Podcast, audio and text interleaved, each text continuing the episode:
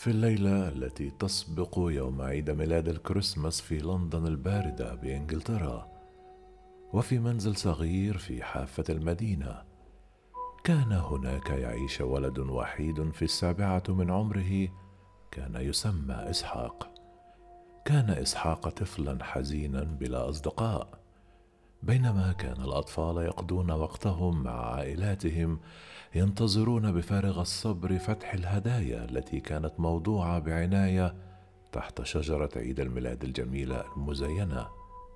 إسحاق الصغير كان يقضي معظم الليالي وحيدا في غرفته المطربة والد إسحاق كان فقيران جدا. كانت والدته امرأة صارمة وكانت تمكث في المنزل وتدرس إسحاق. والده كان يعمل لساعات طويلة في ميناء لندن ليدعم عائلته. وبالرغم من ذلك كان جزءا كبيرا من أرباحه تذهب في شراء واستهلاك كميات كبيرة من الكحول في نهاية مناوبته. أحيانا كان يعود إلى المنزل سكيرا بعدما يطرد من عمله ويصرخ في زوجته العزيزة والدة إسحاق.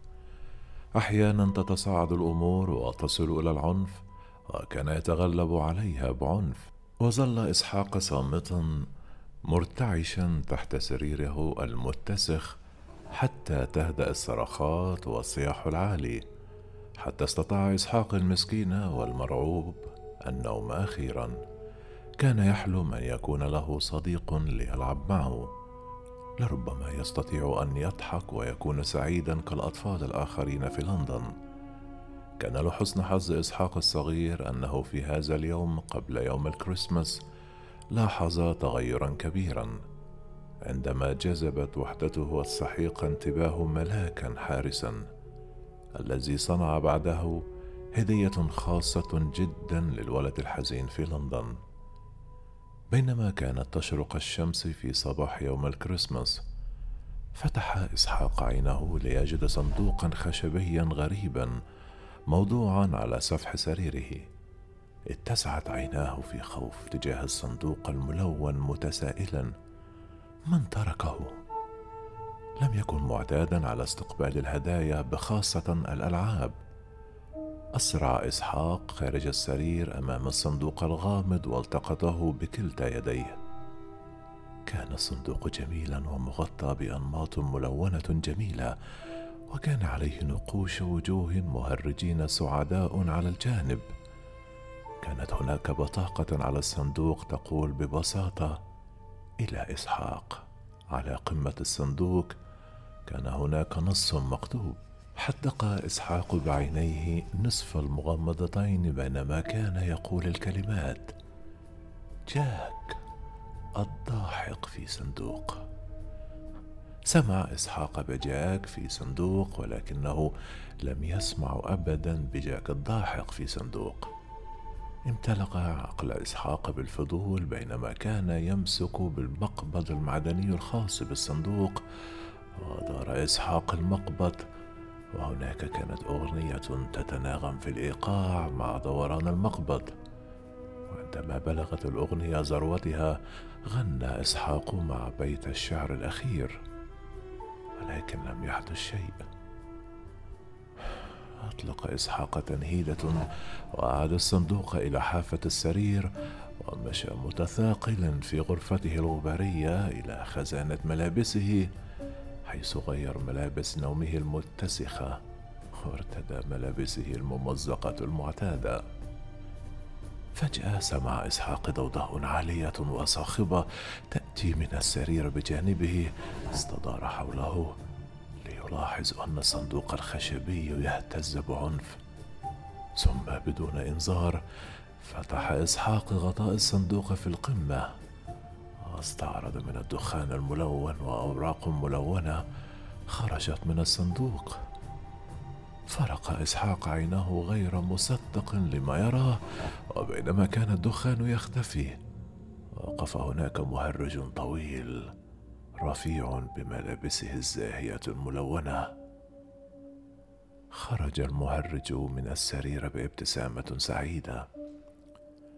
أنا سعيد لأنك سألت أنا جاك الضاحك صديقك الجديد للأبد. أنا سحري. أنا لا أتعب من اللعب. أنا السحر نفسه. أنا أتكيف وأتطور مع شخصيتك المتغيرة. بكلمات أخرى أيا كان ما تحبه أنا أحبه. نظر إسحاق إلى أعلى إلى الرجل المهرج الغامض وقال نحن أصدقاء. نظر جاك إلى الولد بينما كان يلمس حاجبا من حاجبي عينيه. أصدقاء نحن أفضل أصدقاء. فتح إسحاق فمه من شدة الدهشة وقال له أنت تعرف اسمي. أطلق جاك ضحكة غريبة وقال بالطبع أعرف اسمك. أعرف كل شيء عنك. لذلك سنختصر طريقة التعريف عن نفسك. تريد أن تلعب لعبة الغميضة؟ ابتسم إسحاق ابتسامة عريضة. حقا يمكننا أن نلعب العابا. أحب ذلك أحب ذلك. أنا لا أستطيع علي أن أنزل إلى الطابق السفلي. لارى أمي لاجل تعليمي المنزلي والاعمال المنزلية. وضع جاك يديه على كتف إسحاق وقال له بابتسامة دافئة لا عليك سأنتظرك هنا عندما تعود. عادت ابتسامة إسحاق بينما كان ينظر لصديقه الجديد ثم بعدما سمع صوت أمه الشديد تناديه من الطابق السفلي حسنا سأذهب اذا سأراك بعدما أنتهي. حسنا جاك. قال بينما يتجه نحو الباب. وابتسم جاك.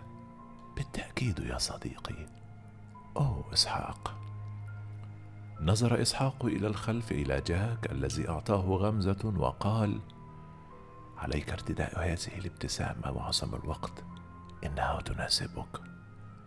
ابتسم إسحاق بسعادة بينما استدار وخرج من الباب طوال الوقت. كان يخبر والدته عن الرجل المهرج الملون المدهش الذي خرج من الصندوق السحري وظهر على حافة سريره. بأي حال لم تصدق والدته كلمة من هذا. وأخيرا أراد إقناع أمه لتتبعه إلى غرفته لترى جاك الضاحك. صعد إلى السلالم ودفع إسحاق الباب غرفته وقال لأمه ترين يا أمه إنه حقيقي. دقق إسحاق في الغرفة التي لم تحتوي على رجل مهرج راقص سحري أو صندوق خشبي سحري. لم تستمع والدة إسحاق بهذا. لذلك أعطت إسحاق نظرة غاضبة. وجعل هذا التهديد ركبتيه ضعيفتين ومعدته تؤلمه. ولكن يا أمي لقد كان هنا. أعطته أمه صفعة قوية وسريعة في وجهه. بدأت عين إسحاق تدمعان وشفتيه بدأت تهتزان بينما شعر أنه على وشك الانهيار. قالت له أمه أنت طفل غبي ووقح. كيف تجرأت علي أن تكذب بهذه الحماقة الصبيانية؟ من يريد أن يكون صديقا مع غبي عديم الفائدة مثلك. عليك أن تبقى في غرفتك حتى المساء ولا عشاء. الآن ماذا تقول أيها البائس الجاحد؟ استطاع إسحاق أن يخرج الرد من حلقه المعقود. شكرا لك يا أمي. حدقت والدته إلى أسفل لحظة قبل مغادرة الغرفة في اشمئزاز. ركع إسحاق على ركبتيه واضعا رأسه إلى جانب السرير. كانت الدموع تجري من خديه بينما بدأ البكاء. ما الأمر يا صديقي؟ ناداه صوت.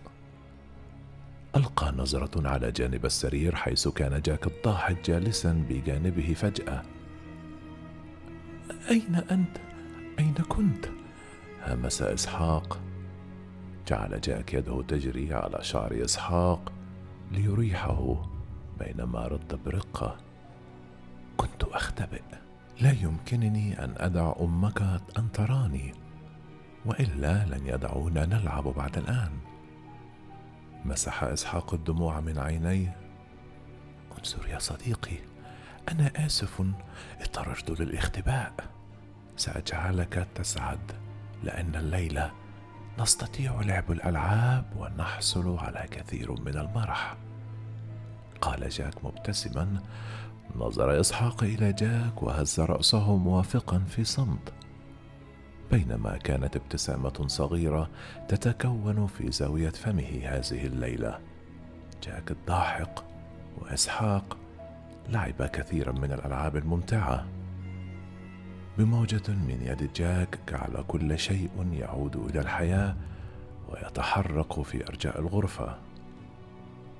كان إسحاق مندهشا بينما كان يرى لعبة تتحرك في كل مكان في الغرفة من تلقاء نفسها. سأل إسحاق إن كان جاك شبحا لكن جاك شرح له أنه أكثر من نوع من كيان كوني. في نهاية الليل وصل جاك إلى جيبه وأخرج مجموعة من الحلوى اللذيذة. كان إسحاق مبتهجا عندما وضع أول قطعة ملونة من الحلوى في فمه حيث أنها كانت أول مرة يتذوق فيها شيء ما حلو جدا. حصل إسحاق على كثير من المرح والضحك واللعب في تلك الليلة التي أخيرا بدأت فيها الأشياء جديدة. على الأقل بعد الحادثة التي حدثت بعد ثلاثة أشهر. كان يوما لطيفا ودافئا ومشمسا في لندن في ذلك اليوم بالمساعدة من الصديق الخيالي. كان أسحاق قادرا على إنهاء الأعمال المنزلية باكرا وكان يسمح له ليذهب خارجا ويلعب قليلا. بدأت الأشياء ببساطة بما يكفي. الثنائي كانا خلف المنزل يلعبان القراصنة. عندما رصد إسحاق قطة الجيران تتسلل إلى حديقتهم. نعم لدينا عدو متسلسل في ميمنة مقدمة السفينة. صاح إسحاق متحوزا عليه الخيال والتوهم. يوهو سأحضره يا كابتن إسحاق. قال جاك ردا عليه بلهجة القراصنة. امتدت ذراع جاك الضاحك عبر الحديقه وأمسك بالقطة الغافلة التي بدأت تقاوم بقوة نوعا ما. لا تدعه يهرب يا جاكي أو ساجعلك تمشي على لوح الخشب قال إسحاق بغضب. امسك جاك القطة بقوة وذراعيه تنموان وتتمددان كافاعي الاناكوندا وهي تلتف حول القطة المراوغة بينما كانت تقاوم لأجل حياتها الغالية. ذراع جاك بدأت بالضغط على الحيوان مخرجا الهواء من رئتيها. بينما كانت عين الحيوان الجيران الأليف تبدأ في الانتفاخ. ثم أطلق فرقعة قوية. ثم حرر جاك بسرعة المخلوق من ذراعيه بينما كانت فروية عديمة الحياة راقدة على الأرض. كانت هناك صمت شديد بينما راقب الاثنان القطة وجثتها ملتوية ومهترئة. ثم كسر الصمت أخيرا عبر ضحك صامت. آتيا من إسحاق. واو. افترض أن القطة حقا لا تمتلك تسعة أرواح. صرخ إسحاق بعيني دمعتين تقريبا من الضحك. وبدأ جاك يضحك ضحكة مكتومة. نعم ولكن ألن تكون في ورطة؟ ما زال وجدت أمك قطه الجيران وهي ميتة في حديقتها. هدأ ضحك إسحاق بسرعة. أنت محق. أنا فقط سأعيدها إلى فناء الجيران. زعر إسحاق بينما هو أمسك جروف قريب. وانتشل جثة القطة المهترئه قبل رميها من أعلى سياج فناء الجيران وعادوا بسرعة للداخل وإلى غرفة إسحاق. وبعد مرور ساعة عاد إسحاق وسمع صراخ أمه تصيح باسمه من الطابق السفلي. لم يكن إسحاق أو جاك كلمة بينما تسلل إلى الأسفل وحيدا ليواجه أي قدر مريع آت له. استطاع إسحاق سماع صياح كثير من الطابق السفلي ولكنه لم يفهم ماذا كان يقال. بعد حوالي ثلاثون دقيقة صعد إسحاق عائدا إلى الغرفة بعينين دامعتين. حسن سأل جاك بتوتر. إسحاق فقط حرق بعينيه بينما كان يتحدث. أنا حاولت إخبارها أنه كان أنت من أذى القطة لم تصدقني. قالت إنك غير حقيقي. عبس جاك مدركا أنه كل هذا كان خطئه هذه الليلة أرسل إسحاق إلى مدرسة داخلية للمرة الأولى. شعر جاك الضاحك كيف هو الشعور كون الشخص وحيدا. حتى عندما علق في صندوقه جاك كان قادرا على أن يرى الأشياء التي تحدث حوله. لذلك كل يوم انتظر صديقه أن يعود وكل يوم تصبح الغرفة أقدم وغبارية أكثر. كان الهدف الوحيد لجاك الدوغ هو أن يكون أفضل صديق لإسحاق للأبد. والآن هو ينتظر كل يوم شهر بعد شهر ليعود مع صديقه المميز. والد إسحاق كان لا يزالان يعيشين في المنزل ولكن لم ياتيا ابدا إلى الغرفة في الطابق العلوي. المرة الوحيدة التي عرف فيها بوجودهم كان عندما سمعهم جاك يتشاجرون. لا زالت حياة جاك في عزلة ووحدة وخائبة الأمل. بينما كانت السنوات تمر بدأت ألوان جاك المشرقة النابضة بالحياة تتلاشى إلى ألوان أحادية من الأسود الضبابي والأبيض الناصع عالقا وحيدا. وحيدا وخائب الأمل. مرت ثلاثة عشر عاما حتى الليلة حيث عاد والد إسحاق للمنزل بخاصة وهو سكير ودخل في جدال مع زوجته. كالعادة بأي حال هذه المرة؟ لم تحصل على دعم. والد إسحاق تغلب على زوجته وقتلها وكان معلقا على حبل المشنقة في اليوم التالي. كلا والديه قد ماتا هذا عن إسحاق الذي يبلغ الآن عشرون عاما قد ورث المنزل القديم الغباري الذي قضى نصف طفولته فيه. كان جاك الضاحك متفاجئا إلى حد ما عندما سمع خطوات أقدام صديقه تصعد السلالم إلى غرفته في الطابق الأعلى منذ ثلاثة عشر عاما. بأي حال لم يكن هذا هو التجمع الذي كان يأمله جاك.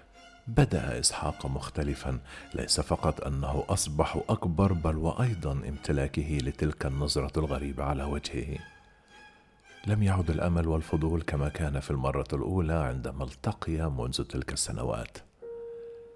انتظر جاك بفارغ الصبر إطلاق سراح إسحاق له من هذا السجن الذي انتظر فيه إلى سنوات عديدة. ولكن لا يزال صندوق جاك موضوعا هناك غير ملموس وغير ملحوظ على الرف في زاوية الغرفة ومع الأشياء المتربه غير المرغوب فيها. نسى إسحاق بالكامل صديقه القديم مرفوضا كنوع من أنواع التلفيقات في مرحلة الطفولة المبكرة وفجأة جعل ذلك جاك الضاحك يشعر بالفراغ. كان فارغا. ثلاثة عشر عاما من الانتظار والأمل. جعلت المهرج أحادي اللون فارغا من الحزن واليأس. بقي جاك في صندوقه خاليا من الألوان والعواطف. في اليوم التالي خرج إسحاق ليعمل في وظيفته كمنجد عاملا بإصلاحات الأثاث للناس الجديدين في لندن. انتظر جاك محتجزا. بعد ساعات عاد إسحاق إلى المنزل. ولكن هذه المرة كان هناك صديقه معه كان أشقر الشعر. وقع انتباه جاك الضاحك على ديف إسحاق. من هذا؟ صديق جديد؟ لماذا يحتاج إسحاق أصدقاء جدد؟ أعتقد أنني كنت صديق إسحاق الوحيد. قال في نفسه داخل سجنه الجهنمي جلس إسحاق وصديقه على السرير وتحدثا عن الحياة في لندن. وأطلق إسحاق نكتة على الطقس وكلاهما ضحك. كان جاك يهمس ويحسد صديق إسحاق الجديد. ثم سخر صديقه من منزله فجأة وأخذ يسخر منه بقوة. أيها الأحمق الغبي! صرخ إسحاق بينما ضرب بقبضته وجه الولد. اتسعت عيني جاك الضاحك بينما لاحظ خطا طويلا من سائل أحمر يتدفق من وجه الولد. أي لعبة هي هذه؟ قال في نفسه حاول الولد الآخر أن يضربه ولكن أمسك إسحاق بحزم معصم الولد بيده مرة واحدة. حاول الولد مهاجمته ولكن تغلب عليه إسحاق وأخذ جاك يشاهد بفضول وعينيه وأسعتين ويراقب زميله في اللعب. وجاك يمسك بفمه بينما كان مملوءا بدماء حمراء.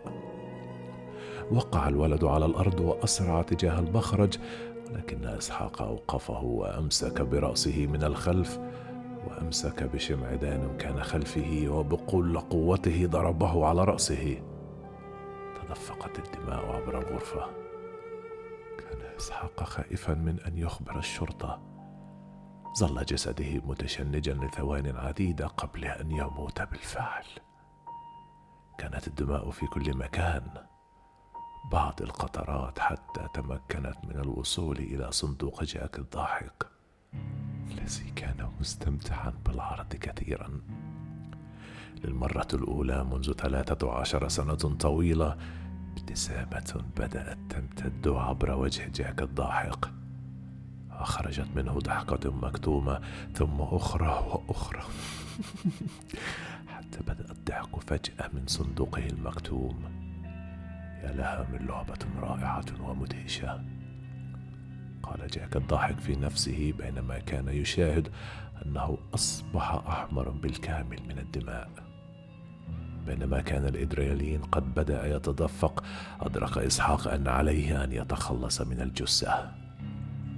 حمل جثة الولد الخالية من الحياة وأسقطه على السرير ثم غادر الغرفة مغلقا الباب خلفه ثم أوصده قبل مغادرة المنزل. عاد بعد يوم كامل تقريبا ثم دخل الغرفة مجددا محضرا معه صفائح قمامة معدنية وحقيبة من أدوات التنجيد من عمله. ثم أخلى كل شيء ووضع المقعد الخشبي ملامسا للحائط مقابلا للباب. ومن ثم جر السرير مع الجثة الدموية إلى مركز الغرفة. لم يكن تحريك المكتب ليعطي إسحاق الغرفة فقط ليتمكن من أداء عمله. ولكن أيضا قد أعطى جاك الضاحك ليرى المشهد بأكمله في الصف الأول. شاهد جاك بابتسامة عريضة على وجهه.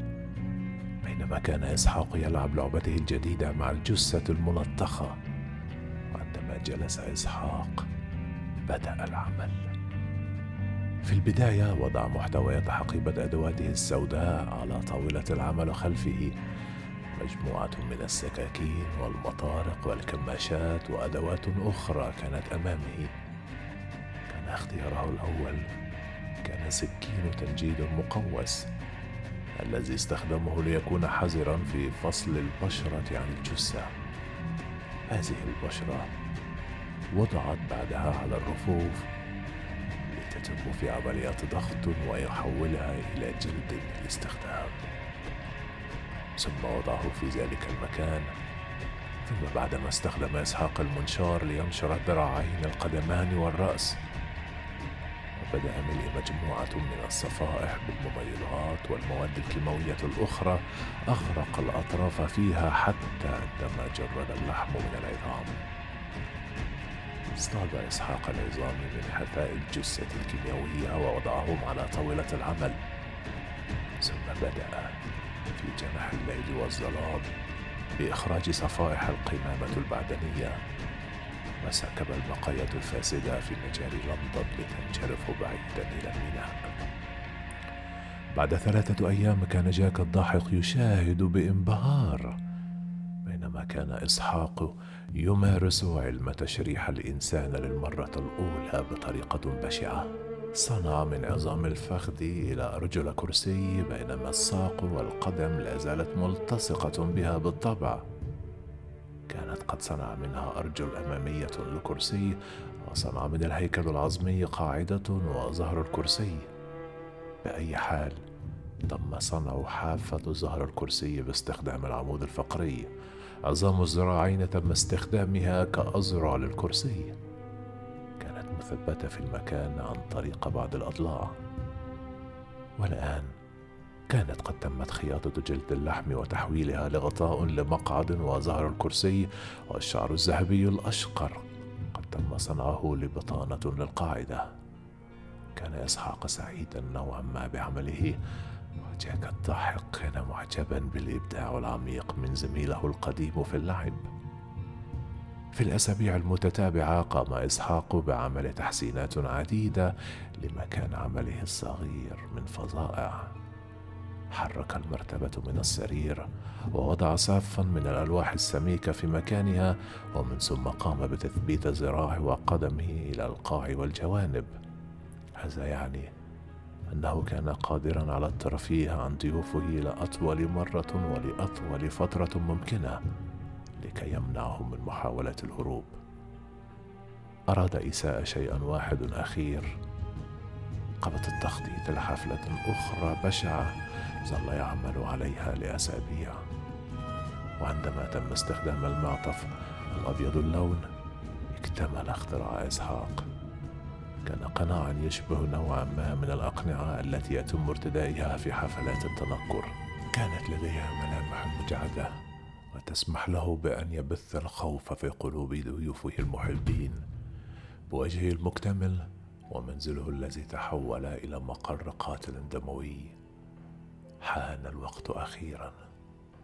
في هذه الليلة راقب جاك الضاحك بينما صعد إسحاق المقنع على الدرج حاملا معه.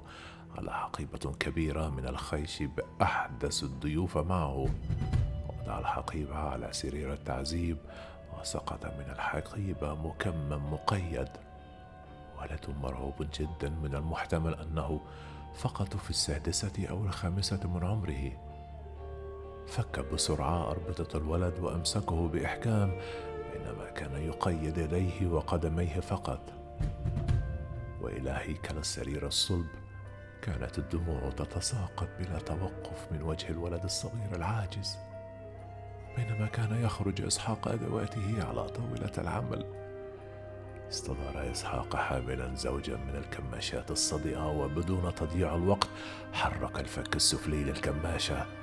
تحت ظفر الولد على سبابته اليمنى وشدها بإحكام. ارتجفت عيني الطفل بينما بدأت التمتمة وهو مكمم متوسلا أن يدعه يذهب. ابتسم إسحاق بينما يضع جانب الكماشة محدقا في الظفر الأول. صرخ الولد خلال تكميمه بينما كان يلتوي في عذاب على الألواح الخشبية وبدأ الدم يتدفق من إصبعه ثم تحرك إسحاق إلى إصبعه الأوسط ممسكا بحزم مسمارا مع الكماشة الصدئة مرة أخرى أعاد الكماشة ولكن هذه المرة مزق المسمار إصبعه من المنتصف. بينما كانت تهتز أصابعه وتتدفق منها الدماء أخرج المسمار بالرغم من أن إسحاق كان رافضا قليلا لهذا المشهد المؤلم. على عكس جاك الضاحك المتجسس الذي كان فرحا جدا بهذا العمل المزعج بينما كان يشاهد من خلال صندوقه القديم الغباري عاد إسحاق إلى طاولة العمل واستبدل الكماشة بمطرقة حديدية كبيرة. ثم مشى إلى سرير التعذيب حيث بيد واحدة أمسك قدم الولد اليسرى بإحكام. ورفع المطرقة عاليا فوق رأسه بينما كان الولد يبكي وهو في تكميمه. ثم بكل قوته ضربه إسحاق محطما العظام مع تصدع كبير. اهتز الطفل في ألم مع صراخات حادة مكتومة بقماش التكميم مربوطة إلى وجهه. بينما كان الطفل يقاوم بألم شديد وضع إسحاق البطرقة على السرير الخشبي وعاد مجددا إلى طاولة عمله حيث عندما جهز نفسه بسكين طويل حاد بدون تأخير حفر الكلمات طفل عديم الفائدة على صدر الولد المرتجف. وعندما انتهى كان الولد واعيا بالكاد. جلس إسحاق على ركبتيه وقال في أذن الولد هذا ما يحدث للأطفال الفاسدين. عندما يصنعون وجوه سيئة في الناس. امتلأت عيني الطفل بالدموع وللمرة الأخيرة بدأ إسحاق يحفر على وجهه. لكن إسحاق تفاجأ بأن الولد ما زال متشبثا بالحياة. الطفل المشوه حلق إلى أعلى إسحاق بعينيه. الذي جعل قلب إسحاق الأسود يمتلئ بالغضب والكراهية. صرخ إسحاق بينما كان يلتقط المطرقة من السرير وبدأ إسحاق بها يدمر هيكل الولد المسكين. ظل يضرب ويضرب ويضرب بقوة حتى لم يتبقى منه شيء. ولكن دموي منهار في كترة من اللحم. متدفقا منه دماء حمراء وتخرج منه مادة من عقله. من خلال الغرفة جاك الضاحك يراقب بسعادة شديدة. النهاية الكبيرة الذي توقع أنه مندهش نوعا ما. ليف إسحاق التالي كانت امرأة كبيرة في السن وكفيفة. دعاها لتناول بعض الشاي. أخذها الأمر حوالي خمسة دقائق لتدرك أن الكرسي الذي كانت جالسة عليه كانت مصنوعة من بقايا إنسان. وست دقائق أخرى لتجد السلم فقط لتتعثر وتسقط عليه صارخة بعد هذا أحضر إسحاق فتاة صغيرة واستخدم معدتها ككيس ملاكمة. بينما تمر الأسابيع مع المزيد والمزيد من الأشخاص غير المحظوظين الذين قابلوا نهايتهم في بيت إسحاق. وبينما كانت شخصية كروزمان المجنونة أصبحت أكثر ظلمة وأكثر استمتاعا بتعذيب الآخرين شخصية جاك الضاحك بدأت تحب ذلك عندما بقى في صندوقه الغباري حتى ليلة باردة من ليالي ديسمبر. المسامير الصدئة التي كانت قد ثبت بها الرف الذي نسي فيه الصندوق أخيرا. أعطى طريقة. وكل شيء تراجع على الأرض. سمع إسحاق صوتا مكتوما. قرر أن يصعد إلى العلبة. ماشي عبر الدماء التي تلطخ خشب أرضيته. وجرى إلى الرف الذي سقط. تنحى جانبا ليرى أن الخردوات التي تحطمت عندما وقعت عندما أتى أخيرا عبر جاك في الصندوق. من طفولته إسحاق لاحظ بالكاد الصندوق البالي بينما كان يلتقط وخرج بعض الغبار منه وبسبب حنيته إلى الماضي قرر أن يمسك مقبض الصندوق الصدئ وبدأ يديره. بدأ المفتاح يدور محدثا صرير بسبب صدأه لتنطلق أغنية. خرجت من الصندوق البالي. عندما بلغت ذروتها غنى إسحاق البيت الأخير. فتحت قمة الصندوق ولكن لم يحدث شيء. كان فارغا. توقع إسحاق ذلك وقذف الصندوق القديم في القمامة مع كل الأشياء القديمة. بعدما تم تنظيف الفوضى ذهب ليفتح الباب ليعود إلى الطابق السفلي لكنه كان عالقا. شد إسحاق الباب بقوة ولكن الباب لم يستطع لكن الباب لم يستطع أن يتزحزح. ثم سمع أكثر صوت مريع صوت خشن يناديه من خلفه. إسحاق! هزة باردة وصلت فجأة لعموده الفقري. وجعلت شعره يقفل أعلى بينما يلتفت حوله ببطء وبطول الطريق عبر الغرفة عبر القمامة. كان يقف القابوس الرهيب جاك الضاحك. كان أحادي اللون بالكامل. شعره الأسود المهتري يغطي على بعض من عينيه الحادتين. أسنانه الحادة المسننة تزين ابتسامته الملتوية. ذراعيه الطويلتين مع اصابعه الطويله البشعة التي تلامس الأرض تقريبا. ثم بصوت مخيف خشن يقشعر له الأبدان. تحدث المهرج الشيطاني. كم من الحيل أن أكون حرا؟ هل افتقدتني يا إسحاق؟ تجمد إسحاق مشلولا من الخوف. ولكن اعتقدت أنك لم تكن حقيقيا. اعتقدت أنك خيالي. تمتم إسحاق. ورد جاك بصوت مرعب. أوه أنا حقيقي نوعا ما يا صديقي. في الحقيقة كنت أنتظر وقتا طويلا لهذا اليوم لكي يأتي أخيرا. عندما ألعب مع صديقي المفضل للأبد للمرة الأخيرة. قبل أن يستطيع إسحاق الرد امتدت ذراع جاك طويلتين عبر الغرفة ولفت حول قدم إسحاق. بدأ المهرج الملتوي يجري إليه ساحبا إياه اليه متجاهلا التقييد. جاك أحضر بسرعة أربعة مسامير بثلاث بوصات من الحديد من طاولة العمل وغرزهم عبر يدي وقدمي أسحاق. مسمرا إياه على طاولة التعذيب. تمتم إسحاق في ألم بينما صرخ في أثره. اللعنة عليك مهرج غريب ملعون. ضحك جاك بينما كان يثبت رأس إسحاق. لو لم تستطع قل شيئا ما جيد إذ لا تقل أي شيء على الإطلاق. وضع جاك إصبعه الكبير الملتوي داخل فم إسحاق وأمسك لسانه بحزم وأخذ يمد يده بقدر ما استطاع. ثم تراجع المهرج وأمسك سكينا طويلا من الطاولة. وببطء بدأ يمررها عبر لحم لسان إسحاق. وعندما ألقى السكين كان فم إسحاق يبدأ ويفيض بالدماء.